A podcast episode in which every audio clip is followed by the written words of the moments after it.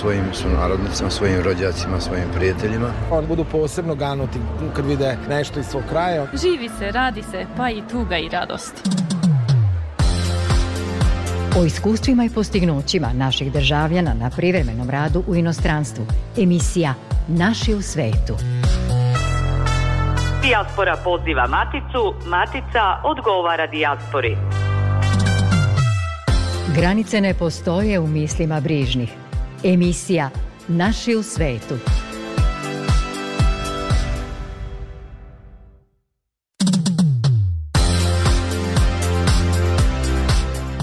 Dobroveče, poštovani slušaoci. Večera smo sa vama sa sledećim pričama.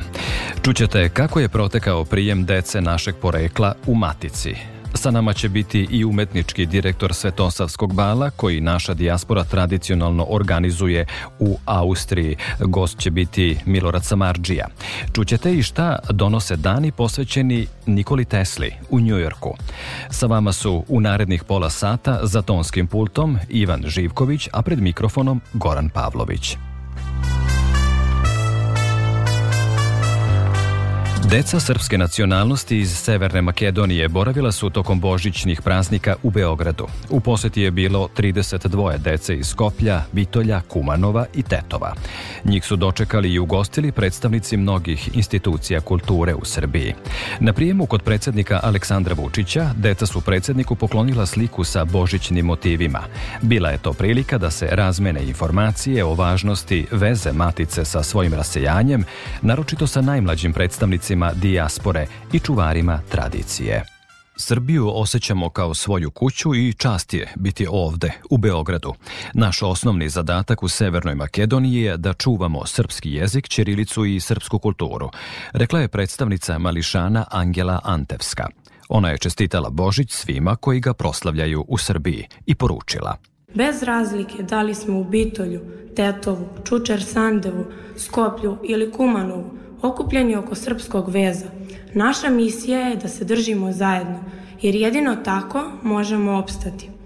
Godinama unazad nesebično ste pomagali svima u regionu, a posebno nama u Makedoniji, u momentima kada nam je bilo najteže i time ste doprineli jačanju odnosa između dva bratska naroda, srpskog i makedonskog, a nas Srbe učinili ponosnima na naše poreklo.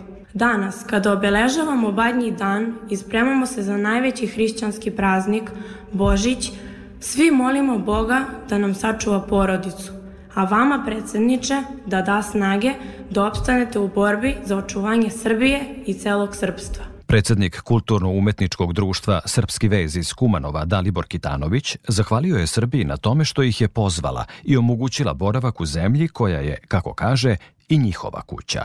No sam srećan zato što jedan deo decen prvi put dolazi u Beograd. Oni su oduševljeni i su onako baš e, srećni što su što, ovde, što borave ovde. E, isto tako zanimljivo, e, u putu prema Beogradu stali smo u Niš, obišli smo Ćelekulu, Oni naš kulturni spomenik da vidu deca kako su se naši preci borili da, sad za našu slobodu. To je dosta važno i vidio i primio nas Vladi Karsenije u putu. Ovdje kad smo stigli bio izvrsan doček. E, Sanja Lakić nam je bila domaćica, zamjenik, zamjenik ministra za rad. Vidjeli smo hram Svetog Save, primio nas Vladika Petar, djeca su dobili paketiće. Bili smo na stadionu Rajko Mitić Marakana u galeriji, na samom stadionu unutra. Onda smo vidjeli muzej Iluzija. Bili smo u Skupštini, primio nas e, predsjednik Skupštine gospodin e, Orlić. Bili smo na, na Knez Mihajlovi, Kalimegdan, ono što je naj, naj, najjači utisak deci kako sam ja vidio da je to boravak u zimskoj bajici dole na, na Beograd na vodi Deca su imala priliku 3-4 sata da, bar da borave tamo u galeriji, oni su oduševljena slikali se, tako da sad ne znam kako ćemo da ih vratimo u Makedoniji po svojim kućama i, i gradovima upravo, ali sve u svemu jako, jako uspješna priča. Verujem da ćete zavoliti Srbiju kao što volite mesta iz kojih dolazite u Severnoj Makedoniji, rekao je predsjednik Vučić. On je zahvalio i nastavnicima i vaspitačima koji su bili u pratnji dece što su došli u posetu našoj zemlji.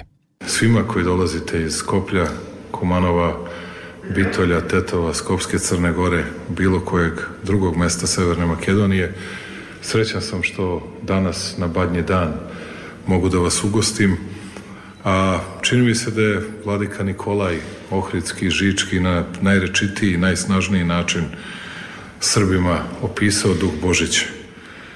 Naš sveti vladika kaže da srpski narod imenuje blagim danom sve praznike koje slavi, no Božić je roditelj svim ostalim blagim danima. Danas, na ovaj blagi badnji dan, mi saborno iščekujemo srca punih ljubavi, Božić, najveći hrišćanski, hrišćanski praznik posle Vaskrsa za decu i za sve druge apsolutno najradosniji. Dragi moji su domaćini draga decu jer ovo je vaša kuća, čuvajte naše običaje i kulturu i časno ime velikog srpskog naroda kojem pripadate. Želim da vam se zahvalim što ste ovde, verujem da ćete mnogo toga videti u Beogradu, da ćete zavoliti Srbiju, baš kao što volite i mesto odakle dolazite, baš kao što volite i Severnu Makedoniju. Želim vama sve najbolje. Želim da iskoristim priliku da našem narodu, magde da žive našoj Srpskoj pravoslavnoj crkvi, patrijarhu Porfiriju, uputim čestitke za Božić, najradosniji hrišćanski praznik našem narodu u Republici Srpskoj, Crnoj Gori, Bosni i Hercegovini, a pre svega našem stradalnom narodu na delu Srbije, na Kosovu i Metohiji, da im kažem hvala što čuvaju srpsko ime i prezime, što čuvaju naša srpska ognjišta i našu srpsku kuću. Predsednik Vučić je deci našeg porekla iz Severne Makedonije i njihovim starateljima poželeo još uspešniju novu 2024. godinu. Istim putem u oba smera, emisija Naši u svetu.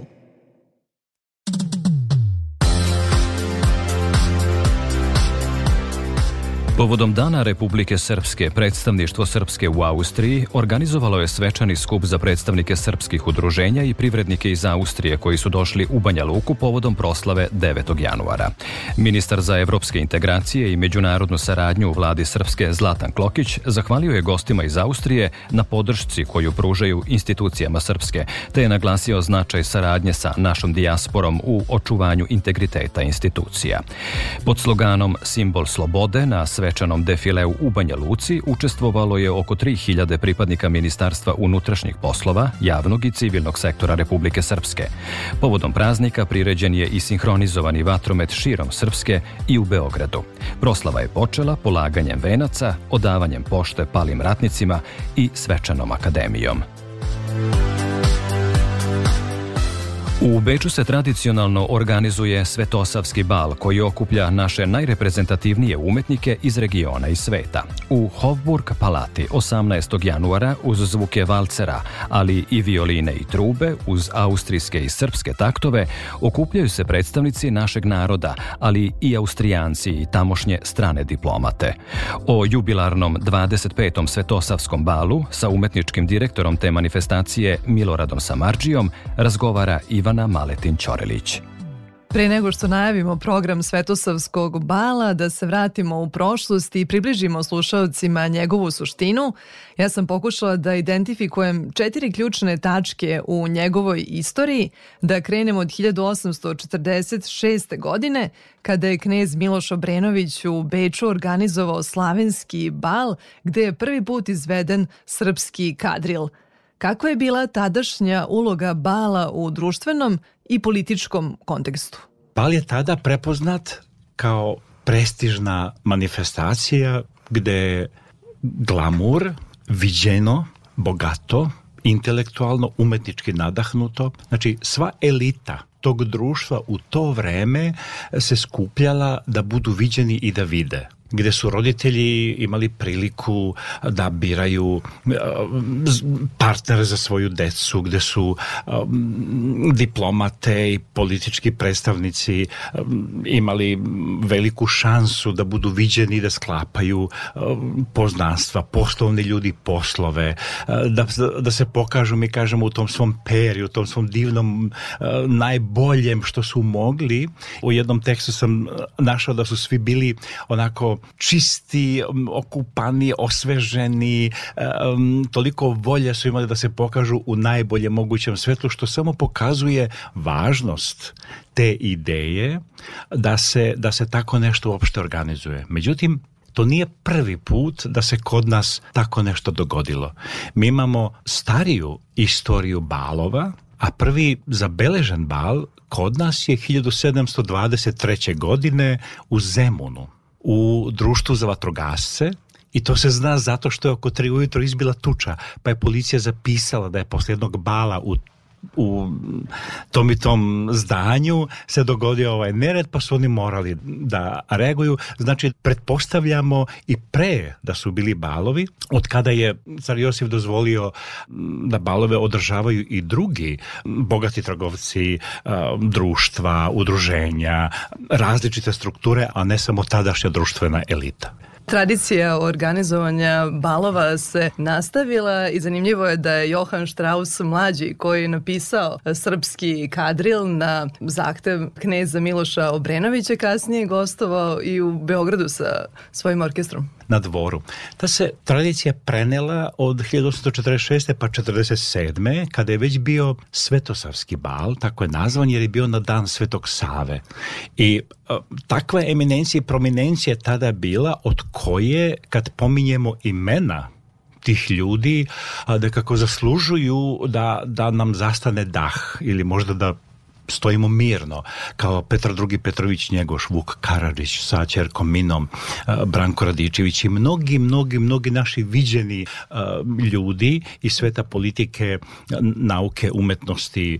E, to je skup koji je prepoznat kao nešto što je toliko značajno i dalje se u tom duhu i razvijalo. Znači, tada nisu žaljena velika sredstva. Za to vreme to je bilo izuzetno skupo.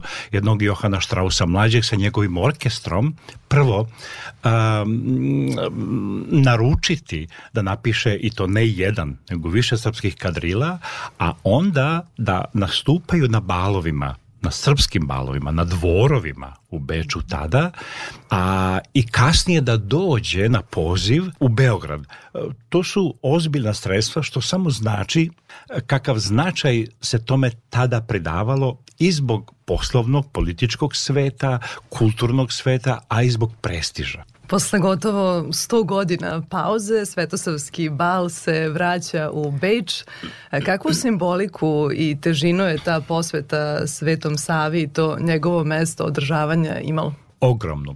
To je ideja i inicijativa bivšeg predsjednika Srpskog centra iz Beča, sadašnjeg počasnog, hvala Bogu, počasnog predsjednika Milorada Mateovića, koji je skupio hrabrost i okupio ljude i rekao da bi tako nešto ne samo falilo, nego trebalo uraditi. I oni su to negovali čitavih 23 godine. Prvo je počelo skromnije u lepšim restoranima, kao zabava, mada su to zvali bal. Kasnije se to preselilo u Šembrun, dvorac, koji je bio adekvatno mesto koji je imao dušu za to, programski je bilo variabilno, znači bili su različiti pevači, zabavljači, orkestri, međutim iz godine u godinu nivo se podizao. Što je vrlo važno istaći da su naši glumci, naši kompozitori, naši vrhunski solisti već uzimali uh, Svetosavski bal u Beču sve važnije, također i naši mediji, što uopšte nije jednostavno. Znate, jer prema dijaspori, koliko god bi bili divni i, i, i znamo da smo jedan narod i tako dalje, postoje tu neke, neke malo i predrasude, postoji nešto malo to između, a zašto bi, kako bi, međutim kad je svetosavski bal, vrlo moguće i hvala Bogu ako je tako, da je to i zbog svetog Save, zbog imena, ali moguće zbog bala, jer je bal tako neutralan i tako odiše tom energijom da smo tu svi nekako pozvani, pa kogod može. I onda se to dogodilo da pred koronu sam bio pozvan na bal kao počasni gost. Da pogledam to i da uživam i tako dalje, tada sam mogao i prihvatio, međutim, verovatno je već tada planirano da se, da se bal preseli u Hofburg, gdje mu je sada kuća, i verovatno je mišljeno da se sa mnom i dalje razgovara na, na tu temu i zbog programske orijentacije, a i zbog ideje da se bal podigne zaista na nivo bala koji naša tradicija, naša kultura, naši arhetipovi, a i sve ukupno što imamo o sebi reći kroz istoriju. Od tog neverovatnog bogatstva ja volim da kažem da imam tu sreću da pripadam narodu koji nema potrebe da pozajmljuje ni od kog ništa, jer ne stižemo da svoje prikažemo e, na najbolji mogući način koliko bi to stvarno zaslužili, a što bi e, Emir Kusturica rekao, nit manjeg naroda, nit više ljudi koji su stvarno svetski. I to je onda došlo do ideje, međutim nastala je korona, i tu je sada neka pauza, mi smo ostali u kontaktu, ja još uvijek nisam o tom nešto razmišljao, jer sam zaista imao puno i svog posla i svojih angažmana i, i sa drugih strana, bilo je tu velikih festivala, bilo je tu velikih produkcija koje sam radio. Međutim, ostali su uporni, mlada ekipa je došla, na čelu sa sadašnjim predsjednikom Milanom Vidovićem, to su veoma obrazovani, sposobni, dobro organizovani mladi ljudi, jedan lep, lep tim, koji su me onda oslovili i pitali za mišljenje.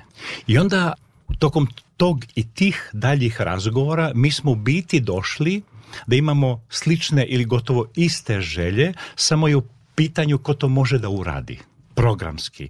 Kako se taj prostor, centar političke moći Austrije i sedište Habsburgske monarhije reflektovao na sam koncept e, bala? Koliko je bio obavezujući za vas? Naravno da jeste. Tu postoje određeni protokoli. E, svi su obavezujući. Znači nema ni jedan jedini kog bi trebalo zapostaviti ili reći nema veze, nije važno da od tehničkih, organizacionih, proceduralnih, ceremonijalnih, pa do obezbeđenja, tehničke pripreme, mreže tona svetla, znači svi, svi aspekti koje možemo zamisliti su tu u, u igri, a mi smo tu da na sve to obratimo pažnju i to je, to sa ponosom ističem, to je ozbiljan timski rad.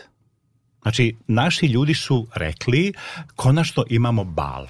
Bali izgleda sa svim onim našim arhetipovima tradicijskim, sa starim gradskim balskim igrama. Mi smo prvi put igrali srpski kadril u ponoć. Zamislite, puna sala, prošli put je bilo oko 1500 gostiju i oko 250 učesnika, prepuna bina koja je e, podijum, koji je 40 metara dugačak, 16 metara širok, pun je plesača, svi plešu ili Srbi ili ne Srbi, to, to se više nije znalo, da ansambli, umetnici, e, svi plešu srpski kadril, to je fenomenalno.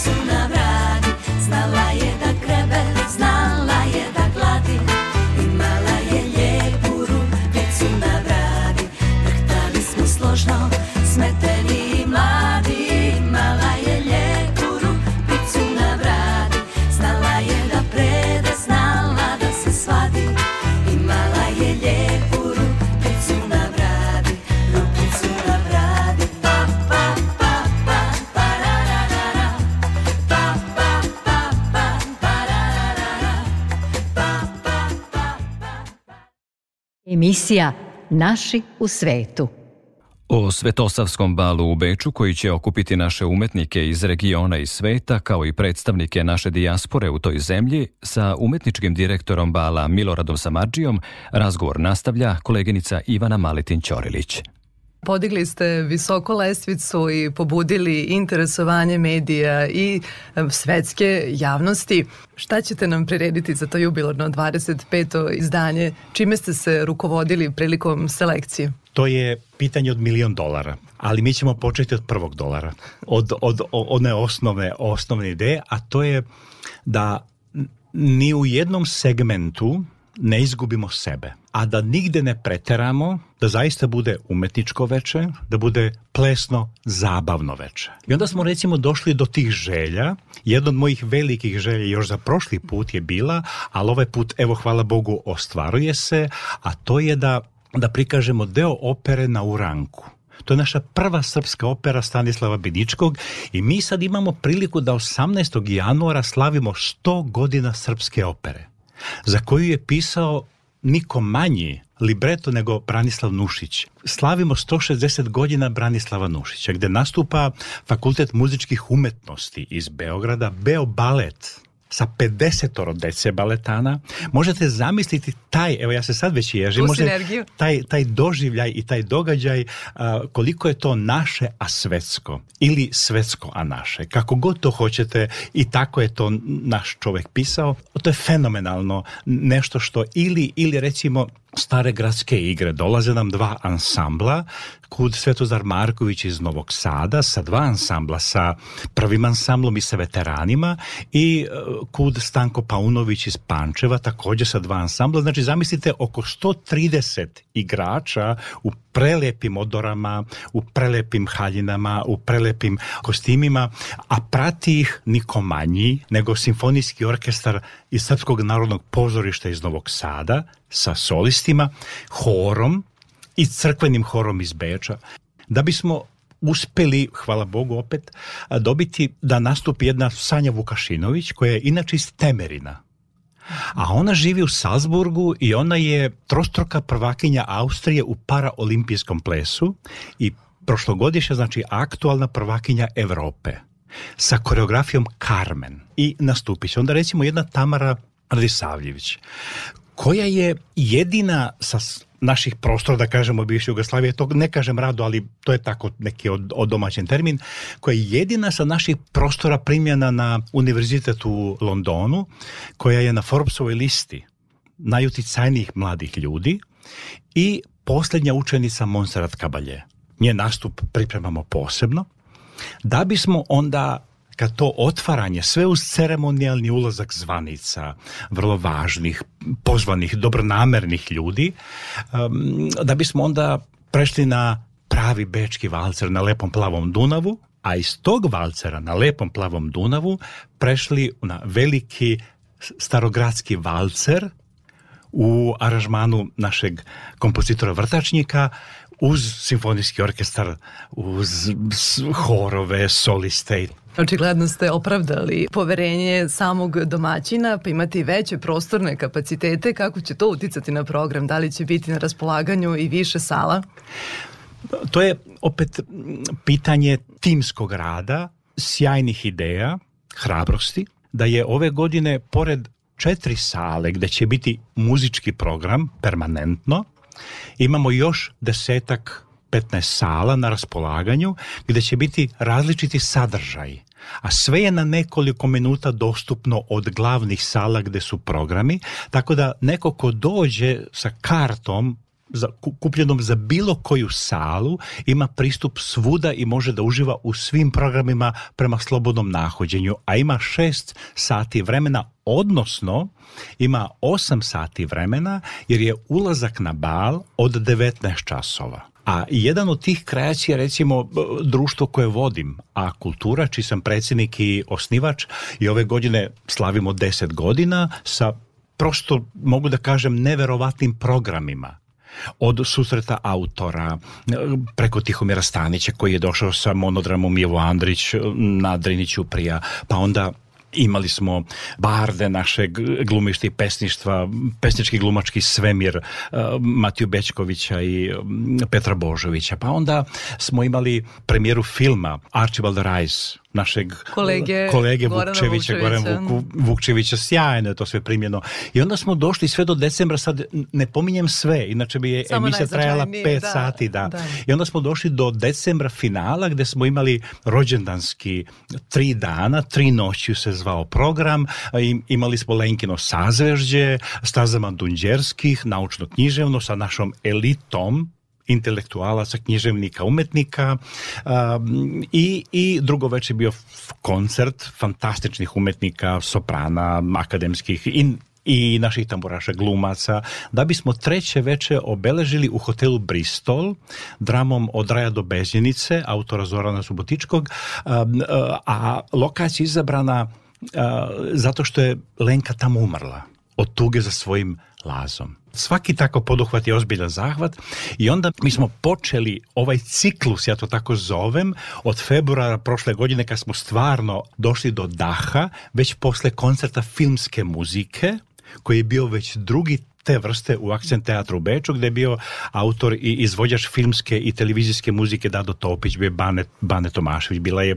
Brankica Sebastijanović naši sjajni, fantastičan orkestar, a, muzika orkestar, to sve akademski obrazovani umetnici, solisti. E, iz tog uspeha mi smo prešli u sljedeću godinu ovu o kojoj sam pričao i sada taj ciklus od prošlog bala, ta energija tokom cele godine nas donosi do još jednog svetosavskog bala i to 25. jubilarnog. Beć je nekoliko godina proglašavan za najbolji grad za život. U njemu danas živi više od 300.000 Srba.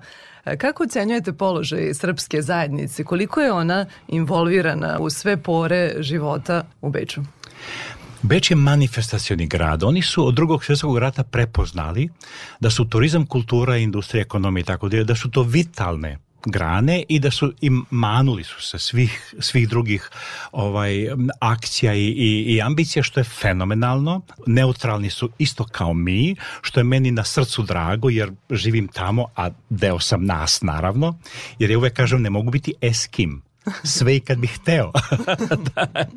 A, naša zajednica je dobrim delom involvirana, pogotovo druge, treće generacije koji su školovani, mm, govore jezik. Toliko firmi su in, involvirani na takvim mestima da biste se čudili. Recimo, bilo je malo dileme, ne ovde, nego kod nas, eh, kod nekih ljudi iz uprave i iz društva i tako dalje, da li će biti uspešan primjer sada nastup um, um, Matije Bečkovića i Petra Božovića s obzirom da što ipak pesnici, to je malo, možda malo teže, tako su neki mislili, ovaj, i praznik je bio tada nacionalni praznik u Austriji. Sam rekao, ljudi, ako ne probamo, nećemo znati. A ja duboko verujem i u njih i u nas. Mhm sam taj zaista entuzijasta i zaista posvećen, ali ne po svaku cenu, nego naravno postoji racija, postoji razum, postoji znanje, iskustvo, strategija, ali sam duboko verovao. Mi smo to zaista organizovali, napravili ozbiljnu kampanju, puna sala, 500 ljudi. I za kraj ovog lepog razgovora i gostovanja ostaje nam da pozovemo slušaoce da dođu i osjete to jedinstveno iskustvo Svetosavskog bala 18. januara u Hoburg palati. Kako je nekada bilo za bal su se slale pozivnice, a kako je danas? Danas je uglavnom online, međutim ima toga dosta i ličnog što je divno. Svako može nazvati Srpski centar u Beču nađe na na internetu broj, to je barem danas jednostavno, ili savabal.at ili svetosavskibal.at. Kako god se tamo u, u Google dobit ćemo otprilike isti, isti rezultat. Karata još ima i bilo bi nam drago da još više i što više ljudi dođe koji i ovim putem srdačno pozivamo, neka bude bal. A ovaj bal je do sada najglamurozniji događaj koji smo ikad imali. Nema lepšeg poziva od toga. Hvala vam na gostovanju u našem programu i radujemo se jubilarnom 25. Svetosavskom balu. Hvala vam najlepše. Umetnički rukovodilac Svetosavskog bala i predsjednik udruženja A Kultura u Beču, Milorad Samadžija, bio je gost našeg programa. Vežu nas događaj, misli, kultura i tradicija. Emisija Naši u svetu.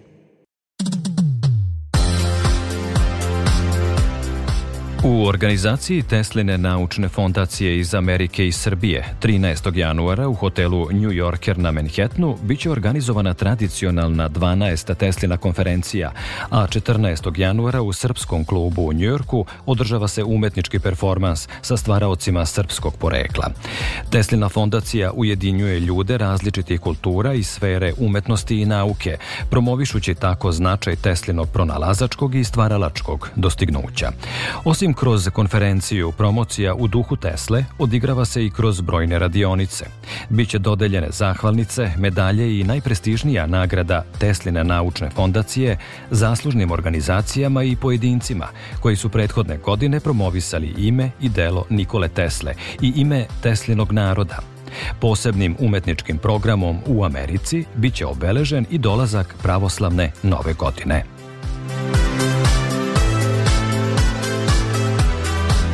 Toliko u večerašnjoj emisiji. Sve informacije o njoj potražite na Facebook stranici Naši u svetu RTV. Sa vama smo i narednog petka od 19.5. kada ćete čuti nove priče o vezi matice sa rasejanjem i priče o uspesima ljudi našeg porekla širom sveta. Želimo vam ugodnu noć.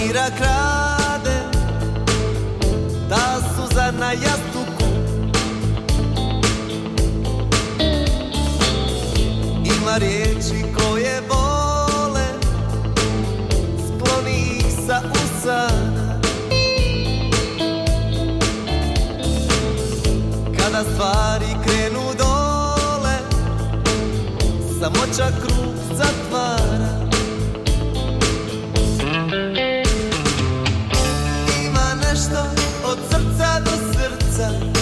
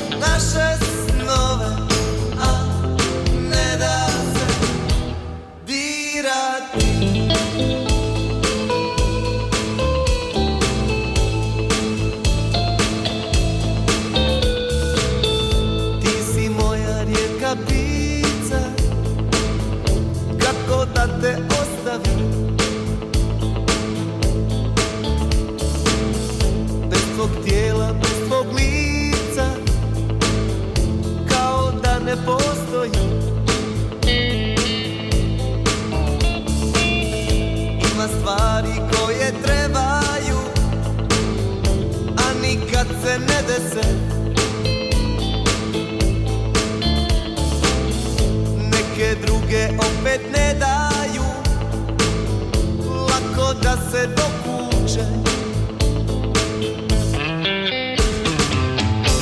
Ima nešto od srca do srca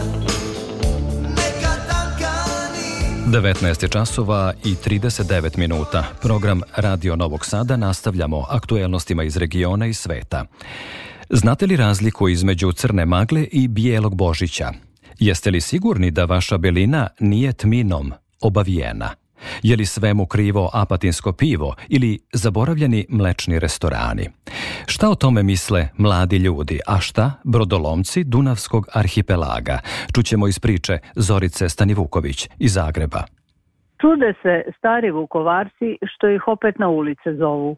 Kad su zadnji put izlazili na državne su institucije galamili ne na premijera vlade u Zagrebu Andreja Plenkovića, predsjednika Hrvatske Zorana Milanovića ili gradonačelnika Vukovara Ivana Penavu. Bože nas sačuvaj i od političkih zala izbavi. Naša navijačka mladost iz gradskih kafića na gradskom mostu neku gradsku djecu presrela, isto našu. Htjeli su im put do kuće pokazati jer se mrak nad gradom hvatao. Skrovova puže i iz podruma crnu maglu vuče a mnogo naše djece vukovarske crno od bijelog više ne razlikuje. Kad se političke boje često mijenjaju, teško se u koloritu nacionalne mimikrije znači. Čim se djeca međusobno raspričaju, crna se magla povuče, a dijete baš o bijelom nečem zaustilo. Bijelom snijegu, bijelom svijetu, bijelom božiću. I je i je na raspustu bilo, pa je iz dječjih usta obična bela riječ potekla. Navijačka ih mladost zabrinuto okružila jer momčića belih riječi nitko ne ispravlja, a mrak sve brže pada. Stvar je hitna, tko će razlikovne riječnike po fusnotama novog zakona o hrvatskom jeziku tražiti. Starija su djeca onoj mlađoj sve razlike crnog i bijelog udarcima u glave utuvila. Belo naličje istom tminom zavijeno bez suvišne retorike objasnila – Sad uličnim edukatorima policija lica krije dok učenici u bolnici gradivo ponavljaju. A razni se juristi okolo vrznaju što politički što pravni. Jer sve su to naša djeca Vukovarska, a Vukovar je, znamo dobro, naše srce krvlju prepunjeno, osjetljivo, sjećanjima probodeno. Zastava je naša zajednička što nad svačijom glavom s pola koplja visi. Na sredini onog što je bilo prije i onog što je došlo poslije, golema se Dunavska voda razliva. Prije nekih dvadeseta godina ljudima vidno izmorena u haglove se povukla. Sitne rukavce glavnog toka, oaze ptičeg i ribljeg mira gdje je na lopuče virin konjic slijeće, a sive se čaplje starim gnjezdima vraćaju. Veslo jedva vodu da dotakne, toliko se rijeka u sebe uvukla baš da vidi kako ćemo bez nje preživjeti.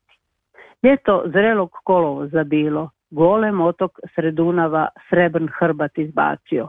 Pjesak nikad nekši, sunce blago, daleki se glasovi u bijelom i belom mješaju. Te nam godine i oni iz preka, iz Bačke došli. Ribarske čikle kroz vrbe provukli, ono malo preko graničnog mulja pregazili – i pitaju jel slobodno kravac komšija. Ajte molim vas, pa nije ovo plaža u Bjericu, slobodno petaljke zabacite. Imam viška kedera, neko se i vama nađu za krupnju ribu. Baš vam hvala. Ja sam juče kome dviraca u ritu nakopao da vidimo kome je šta povolji. Nego, čujte, je li još ima onog apatinskog piva u kavani kod Rakića? Pa da vam kažem, nema, otkako je kafana postala ispostava granične policije. A kad su i to ukinuli, pa ovako bez pasoša pecamo, opet ga ne vraćaju. Kupila ga neka Brewing Company. E šteta, zato i nije onako kako ga se iz mladosti sjećam. Kad sam bio momak, govorilo se da to i nije pivo, nego piće za stive studente, bez para. Razveže im jezik, pa slobodno misle, pričaju političke viceve, a poneki napiši, kako da vam kažem, neki bodljikav tekst. O, i ja se toga sećam. Samo se kod nas u tu svrhu u ono staro doba jogurt pio. Bilo ga je svih vrsta i u neverovatnim količinama. I znate već kako je to u izobilju. Neki uzeli jogurt pa s njim pravo na pokrajinski komitet Saveza komunista Vojvodine u Novom Sadu. Ali to je bilo previše od 30 i kusur godina u bedi smo živjeli. Ni hleba, ni Facebooka, samo jogurt. A ja, znate, tek nedavno saznao da ni baš jogurta nismo imali na biranje, a kruh smo morali danima unaprijed naručivati, da se zna koliko ćemo pojesti. Uzva, šta drugo da kažem? Jeste, jeste, a nama nisu dali germe. Zamislite kako je to perfidno vreme bilo.